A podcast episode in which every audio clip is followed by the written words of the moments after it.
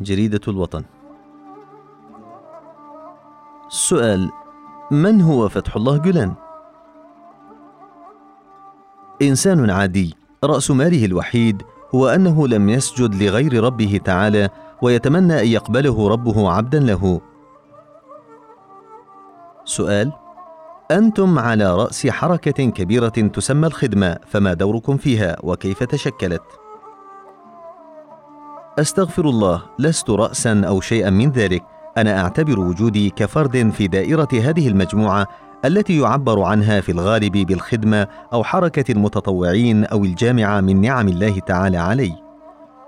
أما الشق الثاني من السؤال فقد شهد أوائل النصف الثاني من القرن المنصرم تقلبات جذرية في الدين والفكر والأخلاق والثقافة وكان لها تأثيرها الحاد على الجيل كله. شهدنا أثرها في التراجع الحاصل على كافة الأصعدة في جميع دول المنطقة. ومن ثم باتت الحاجة ملحة لتنشئة جيل يكون مجهزا بالعلوم الكونية ومستمسكا بالقيم الدينية ومحترما للقيم الإنسانية جيل متدفق بالأمل والعزيمة ومتحل بالفكر الإيجابي متمتع بقدرات يستطيع من خلالها إيجاد حلول لأزمات الإنسان بالإضافة إلى سعة أفقه ومعرفته بما يجري في العالم.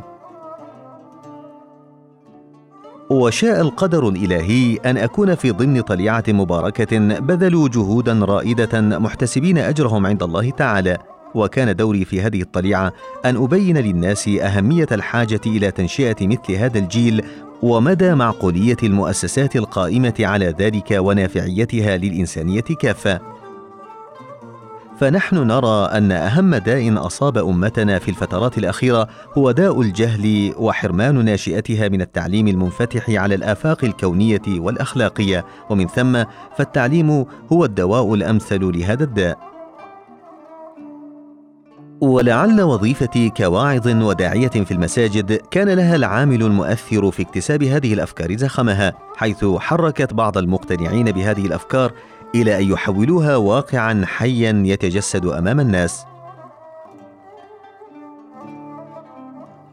ثم قمنا بترتيب لقاءات ومحاضرات وندوات في النوادي والمقاهي والساحات العامة والجامعات المختلفة سواء في داخل البلاد أو خارجها حتى لا يقتصر بياننا لهذه الأفكار على جمهور المساجد فقط.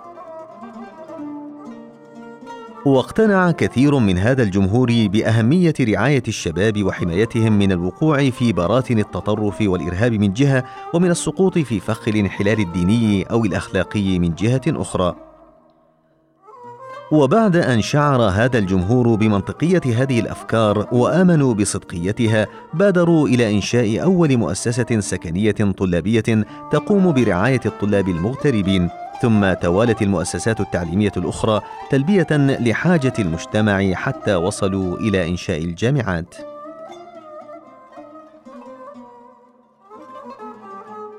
سؤال يعتبركم بعض الناس من أغنى الحركات الإسلامية في العالم فما مصادر التمويل لديكم؟ الغني هو الله. لقد كان القضاء على مشكلات الجهل والفقر والتفرقة في العالم الإسلامي هو المحفز لنا للتحرك في مشاريع الخدمة. وفي سبيل القضاء على المشكلة الأولى قام أهل الهمة من الذين اقتنعوا بأفكار الخدمة بالمسارعة إلى إنشاء مؤسسات تعليمية مختلفة. ثم تراءى لهؤلاء الخيرين أن يفاعلوا وعيهم الجمعي المشترك هذا في سبيل مكافحة الفقر والبطالة اللذين يعاني منهما قطاعات عريضة في مجتمعاتنا ويؤثر على استقلالنا الذاتي وقيمنا الأخلاقية. وفي سبيل الحفاظ على مشاريع الخدمة وتنميتها أسس هؤلاء التجار شراكات ثنائية وثلاثية وأحيانا رباعية وأدمجوا بعض الشركات في أحايين أخرى وبدأوا يفكرون في الخروج من أقاليمهم الصغيرة إلى نطاق أرحب لتوسيع فرص الاستثمار والعمل. ومن جانب آخر فطنوا إلى أهمية الاستثمار في الدار الآخرة وتعلموا سبل الإنفاق في سبيل الله وصاروا أعلاما في البذل والإنفاق من أجل الله عز وجل. فلم يكن الواحد منهم يقتصر على أداء الزكاة المفروضة عليه في ماله فقط بل كانوا ينفقون لتحقيق مشاريع الخدمة حدا يقارب نصف أموالهم أو أكثر. وكانوا يحرصون في الوقت ذاته على توسيع تجاراتهم واستثماراتهم من أجل زيادة حجم الإنفاق في سبيل الله. وبفضل هؤلاء فتحت مدارس في شتى أنحاء العالم بالإضافة إلى تأسيسهم جمعيات إغاثية مثل جمعية كيمسيوقمو التي اشتهرت بتقديم المساعدات إلى كل المحتاجين في أرجاء العالم وعلى رأسهم المحتاجون في بلادنا. وكثير من هؤلاء صادرت القيادة الحالية جميع أمواله بتهمة تقديم الدعم لمشاريع الخدمة. وقامت باعتقاله هو وبعض أفراد أسرته بلا تهمة أو دليل أو حتى محاكمة عادلة ولم يشفع لبعضهم تجاوزه السبعين من العمر ومعاناته من أمراض الشيخوخة.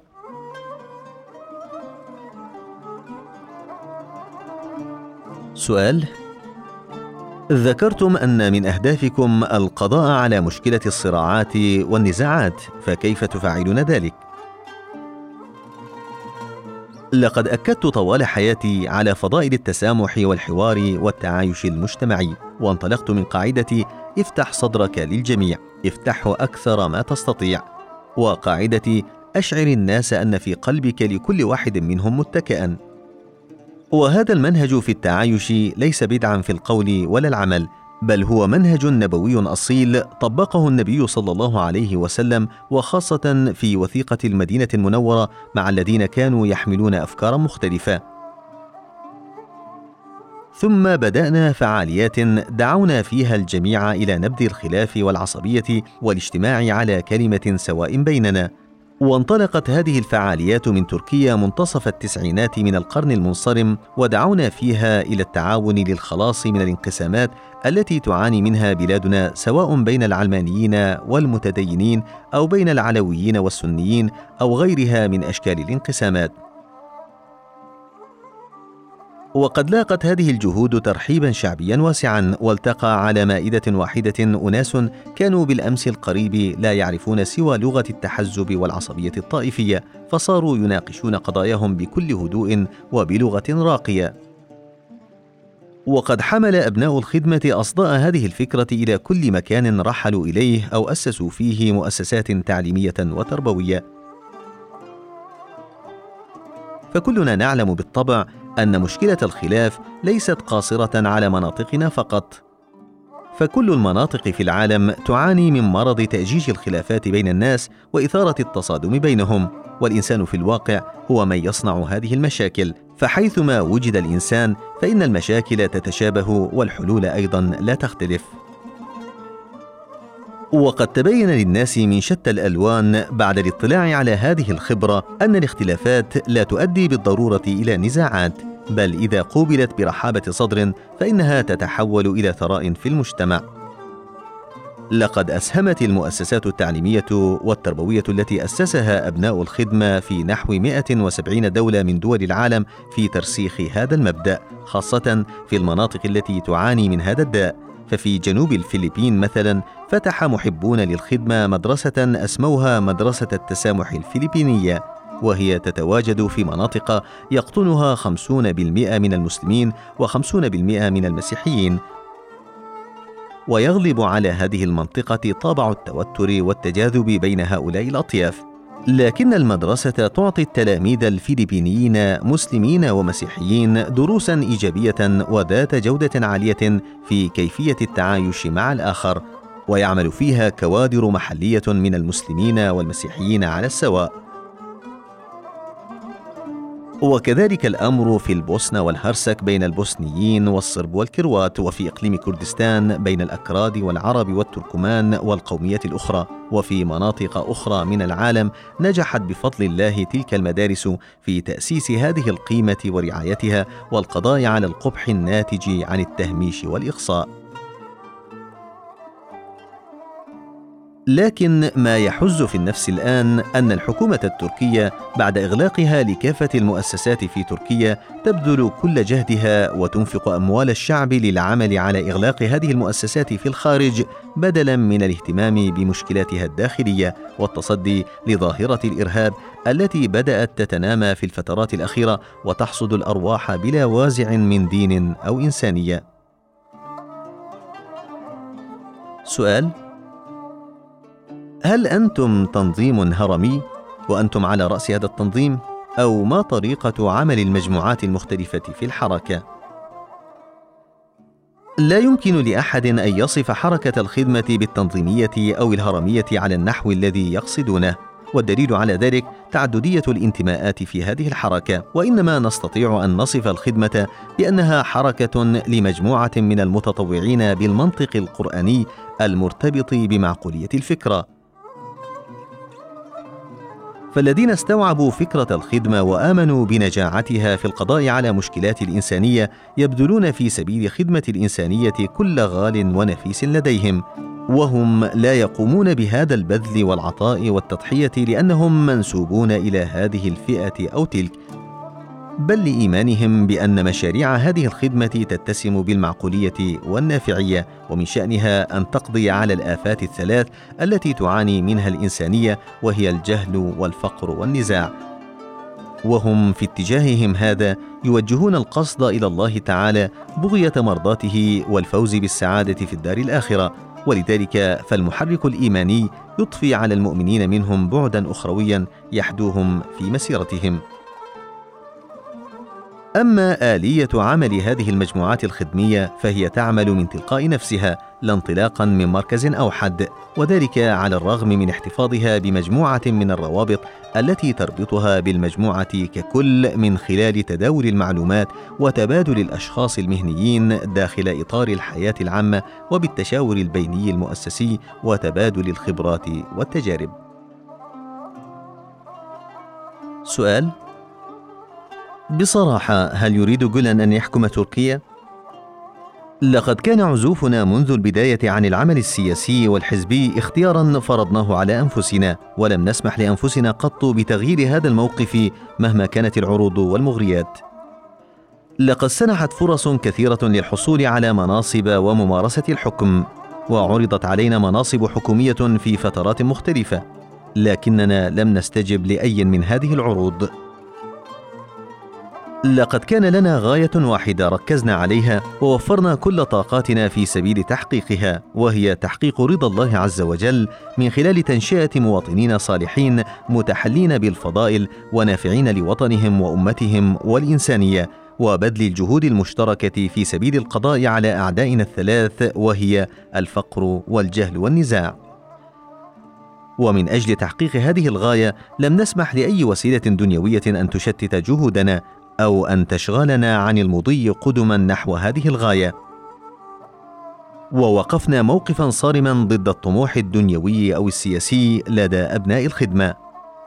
ونحن في إجراءاتنا العملية وفعالياتنا المختلفة داخل تركيا وخارجها لم يرصد أحد ضدنا أي نوع من هذه الأشياء التي يدعونها علينا. لقد كنا نعمل تحت سمع وبصر كل الجهات الرسمية والإدارية في كل بلد. وكانوا يراقبون أعمالنا مراقبة صارمة ولم يسجلوا ضدنا أي مخالفة منذ التسعينات حتى الآن. بل حصلت المؤسسات التربوية والتعليمية على جوائز وشهادات تقدير لإسهامها في رفع مستوى الطلاب التعليمي وشجعونا وعرضوا علينا المساعدة في تسهيل إجراءات فتح مؤسسات جديدة. وهذا مؤشر واضح على أن العالم يعرف أبناء الخدمة جيدا ويستشف نواياهم من خلال الثمار الطيبة لمدارسهم والأهم من ذلك كله أنه يثق بهم. إننا نؤمن بأن رضا الله تعالى بالنسبة للمؤمن لهو أغلى من الدنيا وما فيها وإننا نبتغي هذا الرضا من خلال الالتزام بخط كفاحنا هذا سؤال ما علاقتكم بمحاولة الانقلاب الفاشلة التي جرت في 15 يوليو 2016 بتركيا؟ ليس لي أي علاقة بما جرى من قريب أو بعيد، والعجيب هو محاولة إلصاق هذه التهمة بشخصي رغم تنديدي بها في اللحظات الأولى من وقوعها، ومع إصرارهم المستمر على الاتهام لم يستطيعوا أن يقدموا دليلا واحدا ولو صغيرا، لقد تقدموا إلى الولايات المتحدة بملفات متعددة وضخمة في طلب تسليمي ورغم كثرة هذه الملفات وضخامتها لم تحتوي على أي دليل يثبت كلامهم حتى فقدوا مصداقيتهم لدى الأمريكان وباءوا بالفشل والخذلان أمامهم. لقد باتت اتهاماتهم للشخص بالذات ولأبناء الخدمة عموما مجرد دعايات إعلامية رخيصة ليس لها أي سند من الواقع أو من القانون وغدت وسائل إعلامهم بباغاوات تردد ما يمليه عليهم أردوغان وحاشيته. سؤال اذا لماذا وصفتم هذه المحاولة الانقلابية الفاشلة بالمسرحية؟ بالتأكيد هي مسرحية. أو إن شئت سمها سيناريو معد سلفا. ولا يعني ابدا وصفي إياها بالمسرحية هو أنني أستهين بتلك الأرواح التي راحت ضحية للعبة قام بها بعض المستهترين من أجل تحقيق أهداف زائلة بل على العكس أنا في أشد الأسى على فقد هذه الأرواح الغالية وأدعو من الله أن يمن عليهم بسابغ رحمته. لكن عندما نتأمل أفعال وتصريحات المسؤولين وعلى رأسهم أردوغان بعد هذه الأحداث المؤسفة ستتفق معي على أنها مسرحية أو سيناريو رهيب قد خططوا له مسبقا. وأبرز دليل على ذلك أنهم صرحوا بأنهم قد حققوا تحت ستار حالة الطوارئ ما لم يكونوا يستطيعون تحقيقه في الظروف العادية. ولا تزال الأحداث إلى وقتنا هذا تتسم بالغموض ولم يكشف حتى الآن عن تفاصيلها وقد دعوتهم مرارا إلى تشكيل لجنة تحقيق دولية محايدة وإن أسفرت هذه التحقيقات عن ضلوعي في هذه اللعبة ولو بأمارة صغيرة فأنا مستعد لتسليم نفسي دون الحاجة إلى طلب رسمي.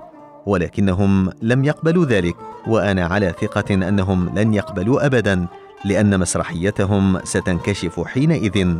وكما ترى فالحقائق بدأت تتكشف شيئا فشيئا. سؤال كيف بدأت الحقائق تتكشف؟ لقد أكدت مؤسسات وهيئات دولية آخرها البرلمان البريطاني عدم وجود أدلة على تورط حركة الخدمة والعبد الفقير في محاولة الانقلاب الفاشلة في 15 يوليو تموز الماضي بل حتى لا يوجد أي قرار صادر من المحكمة يدين أحدا من أبناء الخدمة بالتورط في هذه المحاولة.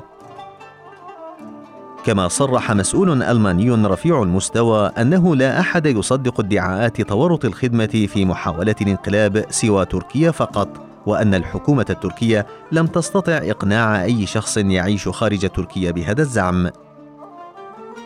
وكما قلت سابقا فإن الولايات المتحدة الأمريكية لم تتخذ أي إجراء ضدي بالرغم من إرسال الحكومة التركية ثمانين مظروفا تدعي تورطنا في الانقلاب ولكنها كلها لا تحتوي على أي دليل يذكر في هذا الصدد. كلها اتهامات مرسلة بلا أي دليل. لقد صرنا محلا لسخرية العالم بفضل هذه القيادة الحالية. سؤال ما رأيكم فيما تم التعامل به مع الجيش في مرحلة ما بعد المحاولة الانقلابية؟ وهل تعتبرون ذلك إهانة للجيش التركي؟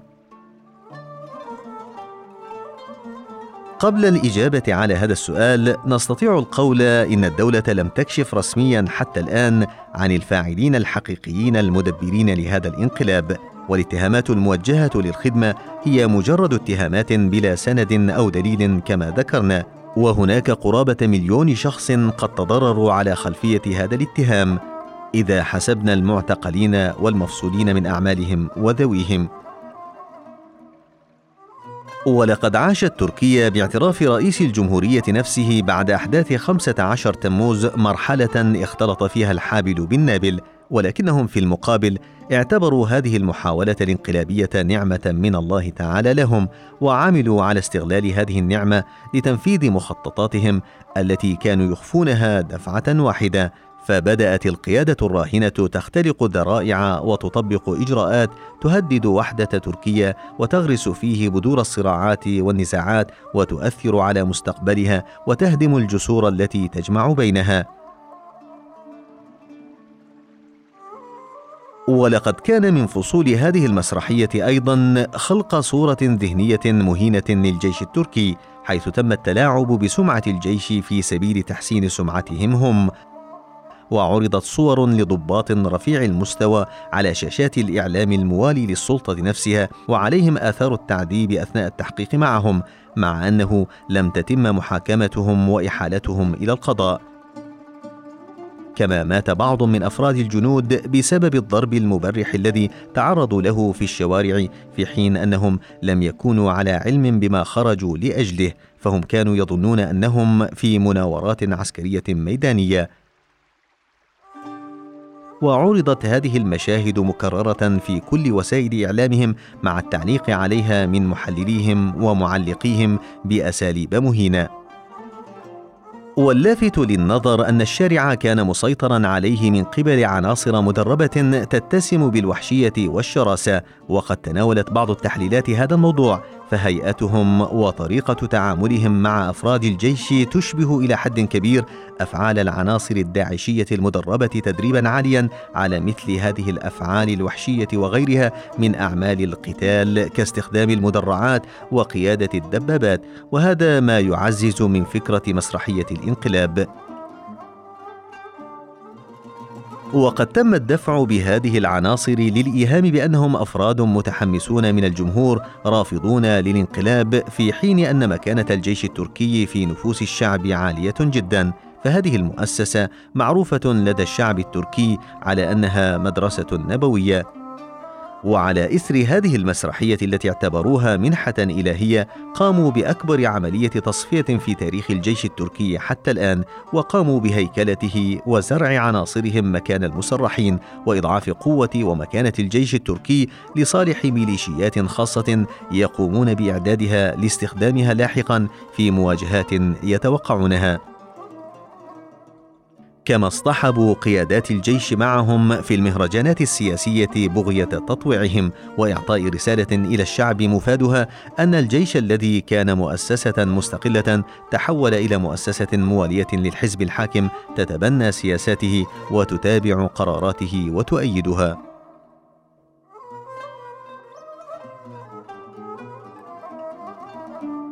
سؤال ما الذي حدث للتجربة التركية؟ لقد كانت تركيا قبل خمس سنوات من الآن تتقدم في مسار صحيح. فقد كانت على وفاق مع أغلب دول العالم وتخطط للاندماج مع الاتحاد الأوروبي وفق إجراءات ديمقراطية متسارعة. وهي في الوقت ذاته عضو مهم في الناتو. وكان الجميع ينظر إليها باعتبارها دولة نموذجية في مد الجسور بين الشرق والغرب حتى صارت مثالا يحتذى. وكتب الكثير عنها كتابات تحت عنوان التجربة التركية. ولم تكن هذه التجربة وليدة اللحظة التي بدأت فيها بل كانت حصادا لجهود بذلت قرابة قرن كامل. وقد استفاد الحزب الحاكم الحالي من هذا التراكم المثمر وقدم نفسه على أنه حامي الحقوق والحريات وتبنى شعارات الديمقراطية وحقوق الإنسان وسيادة القانون واحتضان الجميع. فانخدع بهذه الشعارات كثيرون ومنهم نحن. وظلوا يرددون هذه الشعارات حتى وصلوا إلى مرحلة التمكين. وشعروا بالقوة وتخطوا مخاوفهم ثم بدأ القناع يسقط وبدأ الوجه الحقيقي لهؤلاء يظهر. فوجدنا أنفسنا الآن أمام طلاب سلطة يلقون بكل المكتسبات الديمقراطية التي حصل الشعب عليها بالتضحيات الغالية في عرض البحر. فهم الآن يتغنون بشعارات ديمقراطية ويصدرون للعالم دروسا عن الديمقراطية. لكن ما يمارسونه على أرض الواقع هو الديكتاتورية بعينها. سؤال ما سبب هذا التحول في شخصية أردوغان في رأيكم؟ إننا مع الأسف بإزاء شخصية تحتاج إلى العرض على طبيب نفسي متخصص. يبدو أنه لم يستوعب طبيعة المنصب الذي يشغله وأطلق لخياله العنان فكان يراوده حلم الخلافة أو إمارة المؤمنين وكان يعتقد وخاصة بعد ثورات الربيع العربي أن الفرصة سانحة له وأن العالم الإسلامي سيتماهى مع أحلامه وطموحاته الشخصية وقد طفح هذا على تصريحاته ومواقفه التالية. فقد سمعناه يتحدث عن عواصم العالم الإسلامي ومدنه التاريخية وكأنها أقاليم تابعة له ويتيح لنفسه حق التدخل في شؤون دول الجوار. وبدلا من رأب الصدع ونزع فتيل الخلافات في هذه الدول كنا نراه يسهم في تأجيج الأحداث.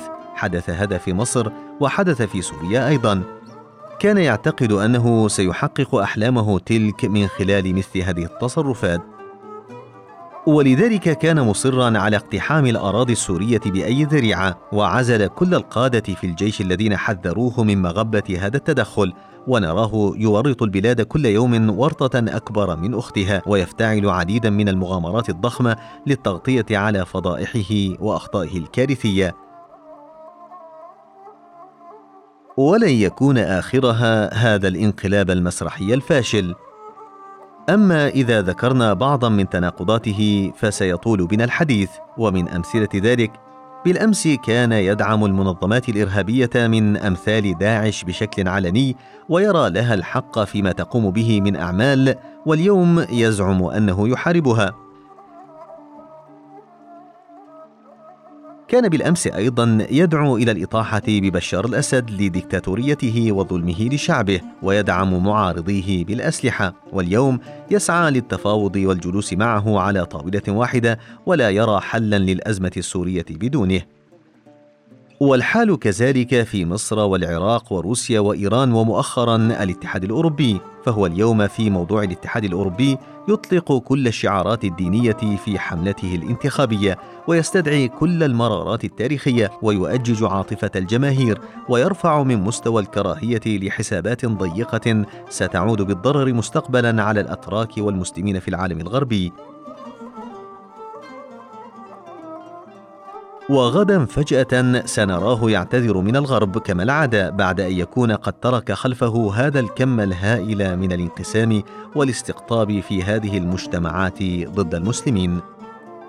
وبعد أن كان معماري السلام من أبناء الخدمة الذين ينشئون المحاضن التربوية لخدمة الإنسانية يقومون بإذابة هذه المرارات التاريخية في حوض التسامح والمحبة إذا برجالات أردوغان يسعون بكل ما أوتوا من قوة لإغلاق هذه المؤسسات في الداخل والخارج بكل جلافة وقسوة دون أدنى مراعاة للضمير والعقل والإنسانية. وليس لنا إلا أن نسأل الله تعالى أن يرجعهم إلى رشدهم وصوابهم.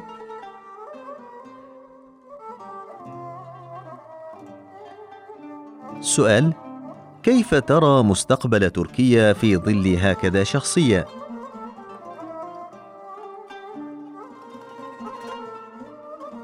إذا استمرت الأوضاع على هذا النحو المزري من انتهاكات لحقوق الإنسان وغياب كامل للحقوق والحريات وانعدام فرص التقاضي العادل فستنعزل تركيا عن محيطها الإقليمي وعن العالم بأكمله ما عدا الدول التي تسير على نفس الخط. وسوف تتعرض تركيا لحزمة من العقوبات بموجب المعاهدات التي وقعت عليها.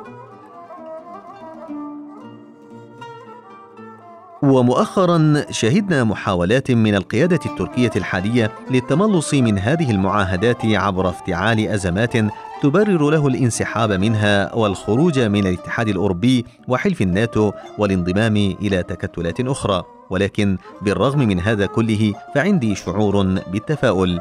فتركيا دولة مركزية وموقعها الاستراتيجي تاريخيا وجغرافيا يفرض عليها ألا تنعزل عن محيطها الإقليمي والدولي. ومن ثم أعتقد أن هذه المسيرة العابثة ستتوقف عند مدى معين ولن يكتب لها الاستمرار على هذا النحو. وآمل أن يدرك المواطن التركي والرأي العام العالمي خطورة هذا الوضع ويتصدون له بالسبل المشروعة. وبعدها ستلتئم الجروح بسرعة وتعود تركيا لتواصل كفاحها النبيل في سبيل الديمقراطية والحريات وسيادة القانون وحقوق الإنسان دون تفرقة أو تمييز على أي أساس.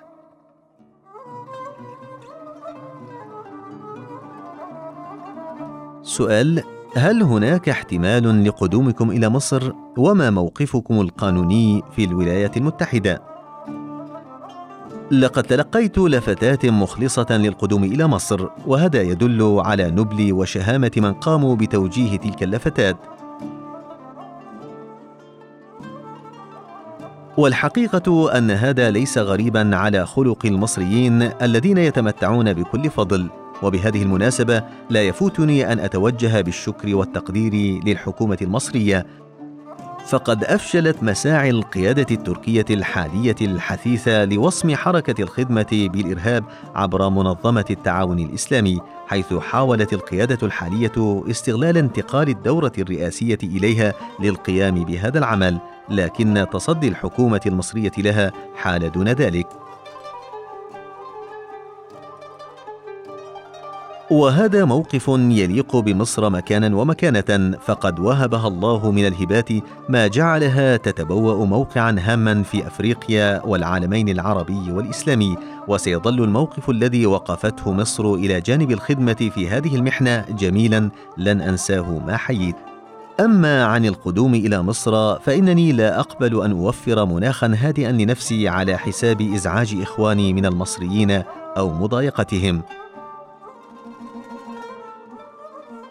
أنا أقيم هنا منزويا في الولايات المتحدة منذ سبعة عشر عاما.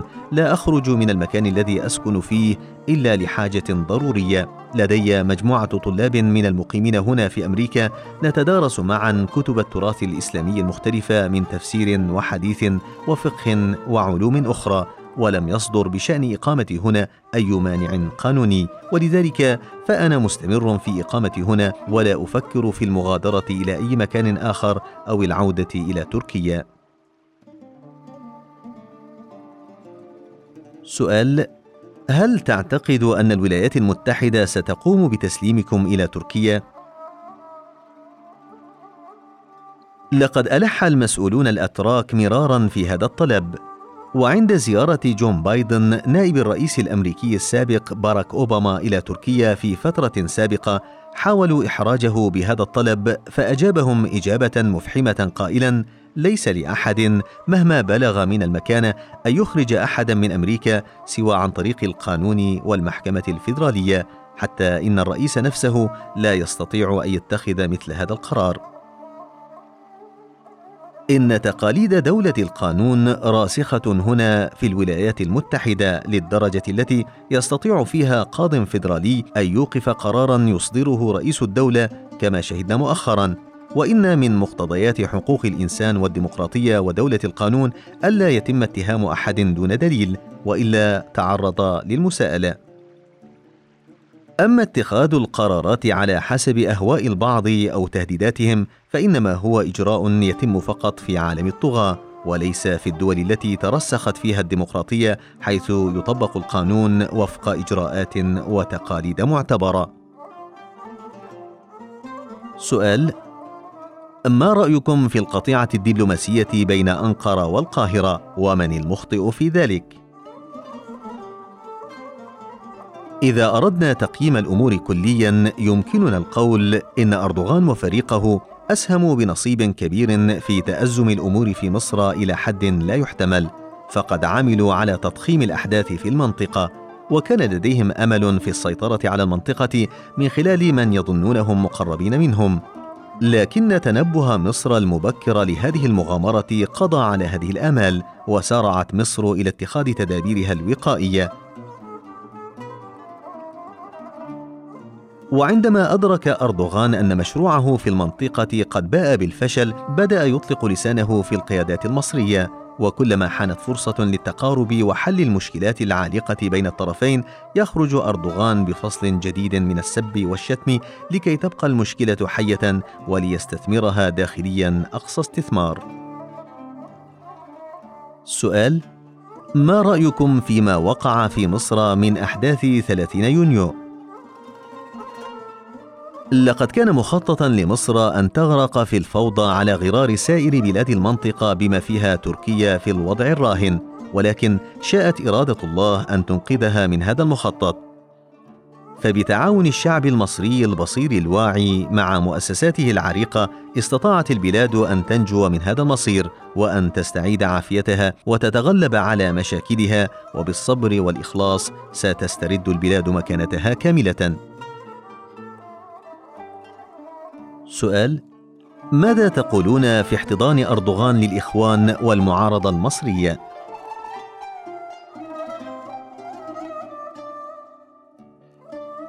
في الحقيقة يمكنك أن تسمي هذا احتضانا ولكني لا أراه كذلك. لقد نظروا إلى أردوغان كأنه طوق نجاة وأوهم أردوغان الشعب التركي أنه سخر لهم كل الإمكانات. وقامت وسائل إعلامهم بتضخيم بعض المساعدات التي قدموها لهم وكسبوا بذلك تعاطفا شعبيا هائلا وصوروه كأنه نصير الضعفاء والمظلومين. ولكن إذا تمعنتم في الأمر فستجدون أن أردوغان لا يقف إلا بجانب نفسه. وستجدون أيضا أن الإمكانات التي سخرها لهم ما هي إلا وسيلة لاستخدامهم في قابل الأيام بشكل أو بآخر. وها هو قد باع غزة والقضية الفلسطينية في أول بادرة صلح بينه وبين إسرائيل وألقى بكل وعوده لحماس بغزة في عرض البحر بعدما كان يناصب إسرائيل العداء ظاهرا في كل محفل ويرفع عقيرته بالصياح في هجائهم خلال الأزمة معها. وإذا كان هناك طائفة لا تزال تعتقد أنه الملاذ الأخير لقضاياها فقريبا سيلقي بهم في أقرب فرصة تحين له فهو ماض في طريقه إلى الهاوية بأقصى سرعة وهو يدرك ذلك جيدا وهو على استعداد أيضا للتضحية بكل شيء في سبيل إنقاذ نفسه. وإذا أردنا أن نسرد في نفس واحد مئتي مثال على تناقضاته وتقلباته في اليوم الواحد بين عشية وضحاها مما يدل على طبيعته المكيافيلية لأمكننا ذلك بكل سهولة.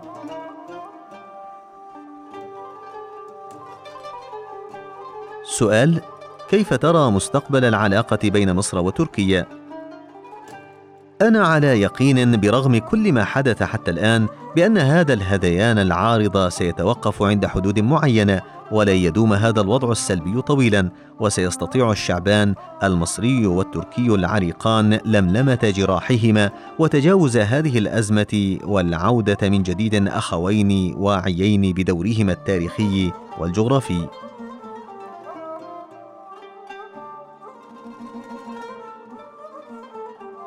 سؤال هل تشعرون بقلق إزاء مستقبل مدارس الخدمة التابعة لكم في مصر؟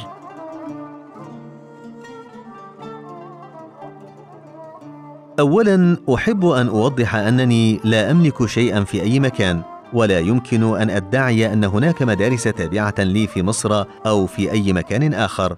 كل ما هنالك أن هناك مجموعة من الأشخاص اقتنعوا بما يقترحه العبد الفقير من مقترحات ويعملون على تطبيقها بجهودهم الذاتية في أي مكان مناسب. ثانيا إن أي مؤسسة سواء كانت مدرسة أو جامعة أنشأها محبون لي في أي مكان في العالم هي قيمة مضافة إلى البلد الذي توجد فيه تعمل على خدمته وتقديم النفع له. ثالثا قد ثبت بعد التجربة والمعايشة الطويلة لهذه المؤسسات في كل البلاد التي تخدم فيها أنه لا علاقة لها بالشأن الداخلي من قريب أو بعيد بل تنأى بنفسها تماما عن أي أمر داخلي يتعلق بهذه البلاد وكل تركيزها على إعداد الأجيال للمستقبل لأننا نؤمن بأن مشاكل المستقبل لا يمكن حلها إلا من خلال أفراد تلقوا تعليما جيدا. وقد خبرتنا المؤسسات الأمنية جيدا وخاصة المعنية منها بمراقبة المؤسسات الأجنبية وتاكدوا من أننا نسير على هذا الخط ولا نفارقه أبدا. والأمر نفسه فيما يتعلق بمصرنا الحبيبه وبالتالي فليس لدي أي قلق على أي مؤسسة في العالم ما دامت تلتزم بالشفافية وتعمل وفق هذا الخط الذي وضحته. سؤال لكن مؤخرا تم إغلاق مدارس للخدمه في بعض البلاد. صحيح وهذا يبين لك مدى الذهنية التي ينطوي عليها الحزب الحاكم في تركيا ويبين في الوقت نفسه براءة الخدمة من كل الاتهامات التي يكيلونها لأبنائها. فهم قد صادروا كل المؤسسات التربوية والإعلامية والاقتصادية بلا سند من القانون أو الدستور ومؤخرا عرضوها للبيع وكأنها ممتلكاتهم في مخالفة صريحة لحقوق الأفراد والمؤسسات في التملك وأودعوا السجون والمعتقلات الآلاف من الأبرياء على خلفية الانقلاب المسرحي المزعوم بينما القادة العسكريون الكبار ورجال الاستخبارات ما زالوا في مناصبهم. وفصلوا مئات الآلاف من أعمالهم بإجراءات قوانين الطوارئ. وعاقبوا كل من يقدم المساعدة لهؤلاء من قريب أو بعيد حتى اضطروا معلمين ومعلمات وأساتذة جامعيين إلى بيع الجوارب في الشوارع وجر عربات لبيع الأرز في الطرقات وحرضوا الأهالي على التبليغ عن أي شخص له علاقة بالخدمة من قريب أو بعيد وأحكموا قبضتهم الحديدية على البلاد في مشهد استدعى للذاكرة كلا من أعمال ستالين وهتلر وموسولوني وغيرهم من طغاة العالم وضيعوا كل كفاح الشعب في سبيل نيل حريته على مدار الأعوام الثلاثين الأخيرة. وها هم الآن لا يكتفون بذلك بل يتوجهون إلى بعض البلاد يضغطون عليها ببعض الملفات تارة أو يقدمون بعض الرشاوى من خلال التوصل إلى حلقات فاسدة ذات نفوذ في بعض البلاد للقيام بأعمال قذرة لإغلاق المؤسسات تارة أخرى أو يعدون البعض الآخر بتأسيس بديل للخدمة تابع للدولة يقدم الخدمات نفسها للشعب مقابل تسليم مؤسساتنا لهم. والأدهى من ذلك أنهم حقروا من قيمة سفاراتنا وقنصلياتنا في الخارج حيث حولوا قناصلنا المحترمين وسفراءنا المبجلين إلى مراقبين أمنيين يتجسسون على مواطنيهم في الخارج. وبدلا من أن يبحثوا عن مد جسور التعاون بين تركيا والعالم باتوا يفتشون عن وسائل تمكنهم من إغلاق هذه المؤسسات والقضاء عليها ففقدوا بذلك احترامهم وتعرضوا للانتقاد كما حدث في بعض البلاد ومنها مصر. أما المؤسسات البديلة التابعة للدولة التي أسسوها ومنها ما يسمى وقف المعارف الذي يحمل افكارا داعشية فقد أخفقت اخفاقا شديدا في تقديم أي خدمات تذكر بل لم يستطيعوا أن يجدوا معلمين أتراك يمكنهم أن يذهبوا إلى هذه المناطق النائية. ومن ثم كانوا يعيدون بآلاف الدولارات لكي يوافقوا على الانتقال من تركيا إلى أفريقيا أو إلى دول أخرى. كما ظهرت حقيقتهم لهذه المجتمعات فأعادت بعض الدول المؤسسات إلى أبناء الخدمة مرة أخرى ورفضت محاكم بعض الدول قرارات الحكومة التي أمرت بهذا التحويل أو المصادرة وخاب سعيهم مرة تلو الأخرى ولم يستجب لهم إلا من انخدع بأكاذيبهم أو بإغراءاتهم. ومؤخرا بفضل الله وحمده تم افتتاح مدارس في مناطق أخرى وكأنها رسالة من الله لهم فهم ينفقون أموال الشعب في الفساد والتخريب وليس في البناء والتعمير ولذلك سيبوؤون بالحسرة والخذلان.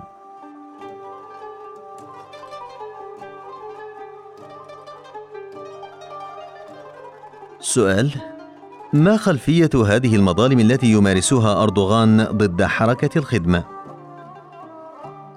لقد كان يتوقع منا أن نروج له في العالم الإسلامي على أنه قائد المسلمين وخليفتهم وكان يأمل أن نجير مؤسساتنا التعليمية والخدمية المنتشرة في أكثر من 160 دولة لصالح هذه الطموحات.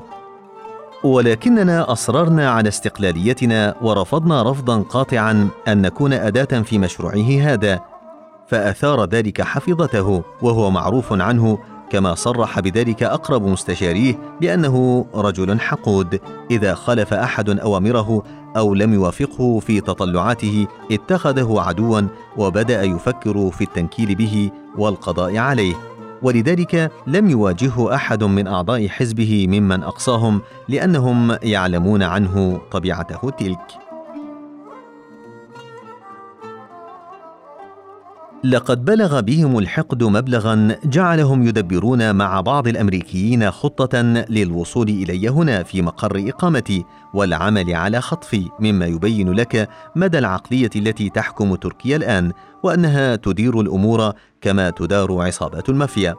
تخيل مسؤولين حكوميين ومنهم دبلوماسيون وأصهار لأردوغان يديرون البلد هكذا. طبعا كل هذا لا يمكن أن يتم بدون تعليمات مباشرة من أعلى. بل ظهر آخر يدعو الحكومة أن تقصف هذا المقر في بنسلفانيا بالطائرات على غرار قصفهم لحزب العمال الكردستاني في جبال قنديل بشمال العراق. ولذلك ليس عجيبا أن تجدهم يدعمون كل الفرق المتطرفة بكل وسائل الدعم من مال وسلاح وتسهيلات للمرور عبر أراضيها من أول داعش إلى سائر المنظمات الإرهابية الأخرى. لقد قدمنا لحزب العدالة والتنمية في بداية أمره دعمنا، شأننا في ذلك شأن كل الفئات الأخرى الداعمة للمسار الديمقراطي التوافقي عندما كان يظهر أنه مدافع عن الديمقراطية وحقوق الإنسان وسيادة القانون ويبدي جدية حقيقية في ملف الانضمام للاتحاد الأوروبي ويحاول تصفير المشاكل مع جيرانه ومحيطه الإقليمي. ولكنه عندما أحس بالتمكن وشعر بالقوة بدأ لا يقبل أي انتقاد ويرفض أن يتحدث أحد عن أخطائه أو أخطاء حكومته. وبدلا من أن يقوم بإصلاح الأخطاء أو الكشف عن الفساد وتقديم المتهمين إلى المحاكمة اتخذ طريق الهجوم وقمع كل صوت معارض ثم تبين لاحقا أنه كان موقعا على خطة ضمن قرارات مجلس الأمن القومي في سنة 2004 للقضاء على الحركات المدنية المعتدلة ذات المرجعية الدينية وعلى رأسها حركة الخدمة هو وبعض من وزرائه. ولما وجهوا بهذا لم ينكروا وقالوا إنهم كانوا مجبرين على التوقيع. ولكنه بدأ في تنفيذ مخططه هذا على مراحل فبدأ بتصفية كثير من البيروقراطيين في قطاع الدولة المختلفة بذريعه انتسابهم للخدمة ثم روج لعمليات القبض على الوزراء الفاسدين في حكومته في 17 و 25 ديسمبر 2013 على أنها انقلاب مدني على حكومته المنتخبه وزاد من جرعات التنكيل ضد مواطنين وموظفين وشرطيين وقضاة بحجة انتسابهم لما أسماه الكيان الموازي. ثم كانت أحداث هذه المسرحية الانقلابية التي سماها منحة إلهية من الله والتي فرض على أثرها قوانين الطوارئ وبلغ التنكيل بالخدمة وبكل معارض كل مبلغ.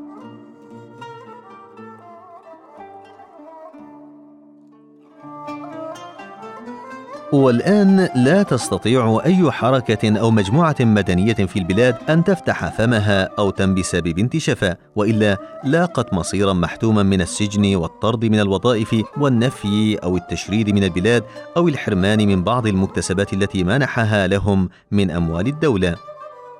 ولكن سيأتي يوم تتكشف فيه كل هذه الحقائق دفعة واحدة وسيشهد العالم مدى ما ارتكبه هذا الجنون من انتهاكات وخروقات كما كان الحال مع كثير من الطغاة الذين حكموا العالم في فترة سابقة. سؤال ما قراءتك لمسألة التعديلات الدستورية؟ وفي رأيك كيف تؤثر على مكانة تركيا الدولية؟ لقد نبهنا منذ فترة طويلة أن هذه الحكومة وعلى رأسها أردوغان تتجه بالبلاد نحو الهاوية. وبعدما كان الأمل معقودا عليهم في تخليص تركيا من معاناتها الطويلة بسبب الاضطرابات التي عاشتها جراء الانقلابات المتعددة إذا بهم يتجهون بالبلاد نحو انقلاب من نوع آخر وهو الانقلاب باسم الصناديق على إرادة الشعب الحره لقد سعينا عام 2011 إلى حشد الدعم للتعديلات الدستورية التي أجريت في ذلك العام بسبب نتائجها التي كانت ستؤدي إلى تقوية دور المؤسسات المدنية والمحافظة على استقلاليتها وتوسيع نطاق الحريات والفصل بين سلطات البلاد المختلفة.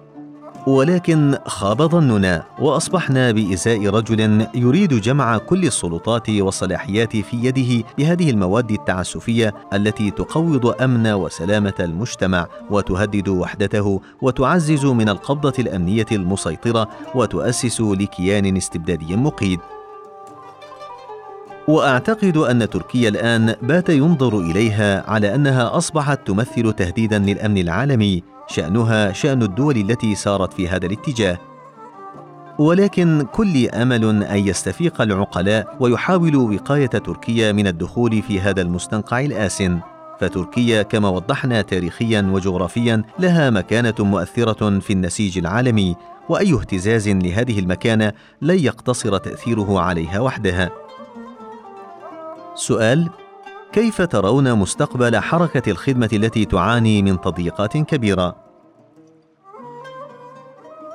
صحيح هناك تضييقات شديدة مورست ولا تزال تمارس ضد أبناء الخدمة في الداخل التركي لدرجة إغلاق كل المؤسسات ونسف كل الجهود التي استمر بناؤها مدة تزيد عن الأربعين عاما.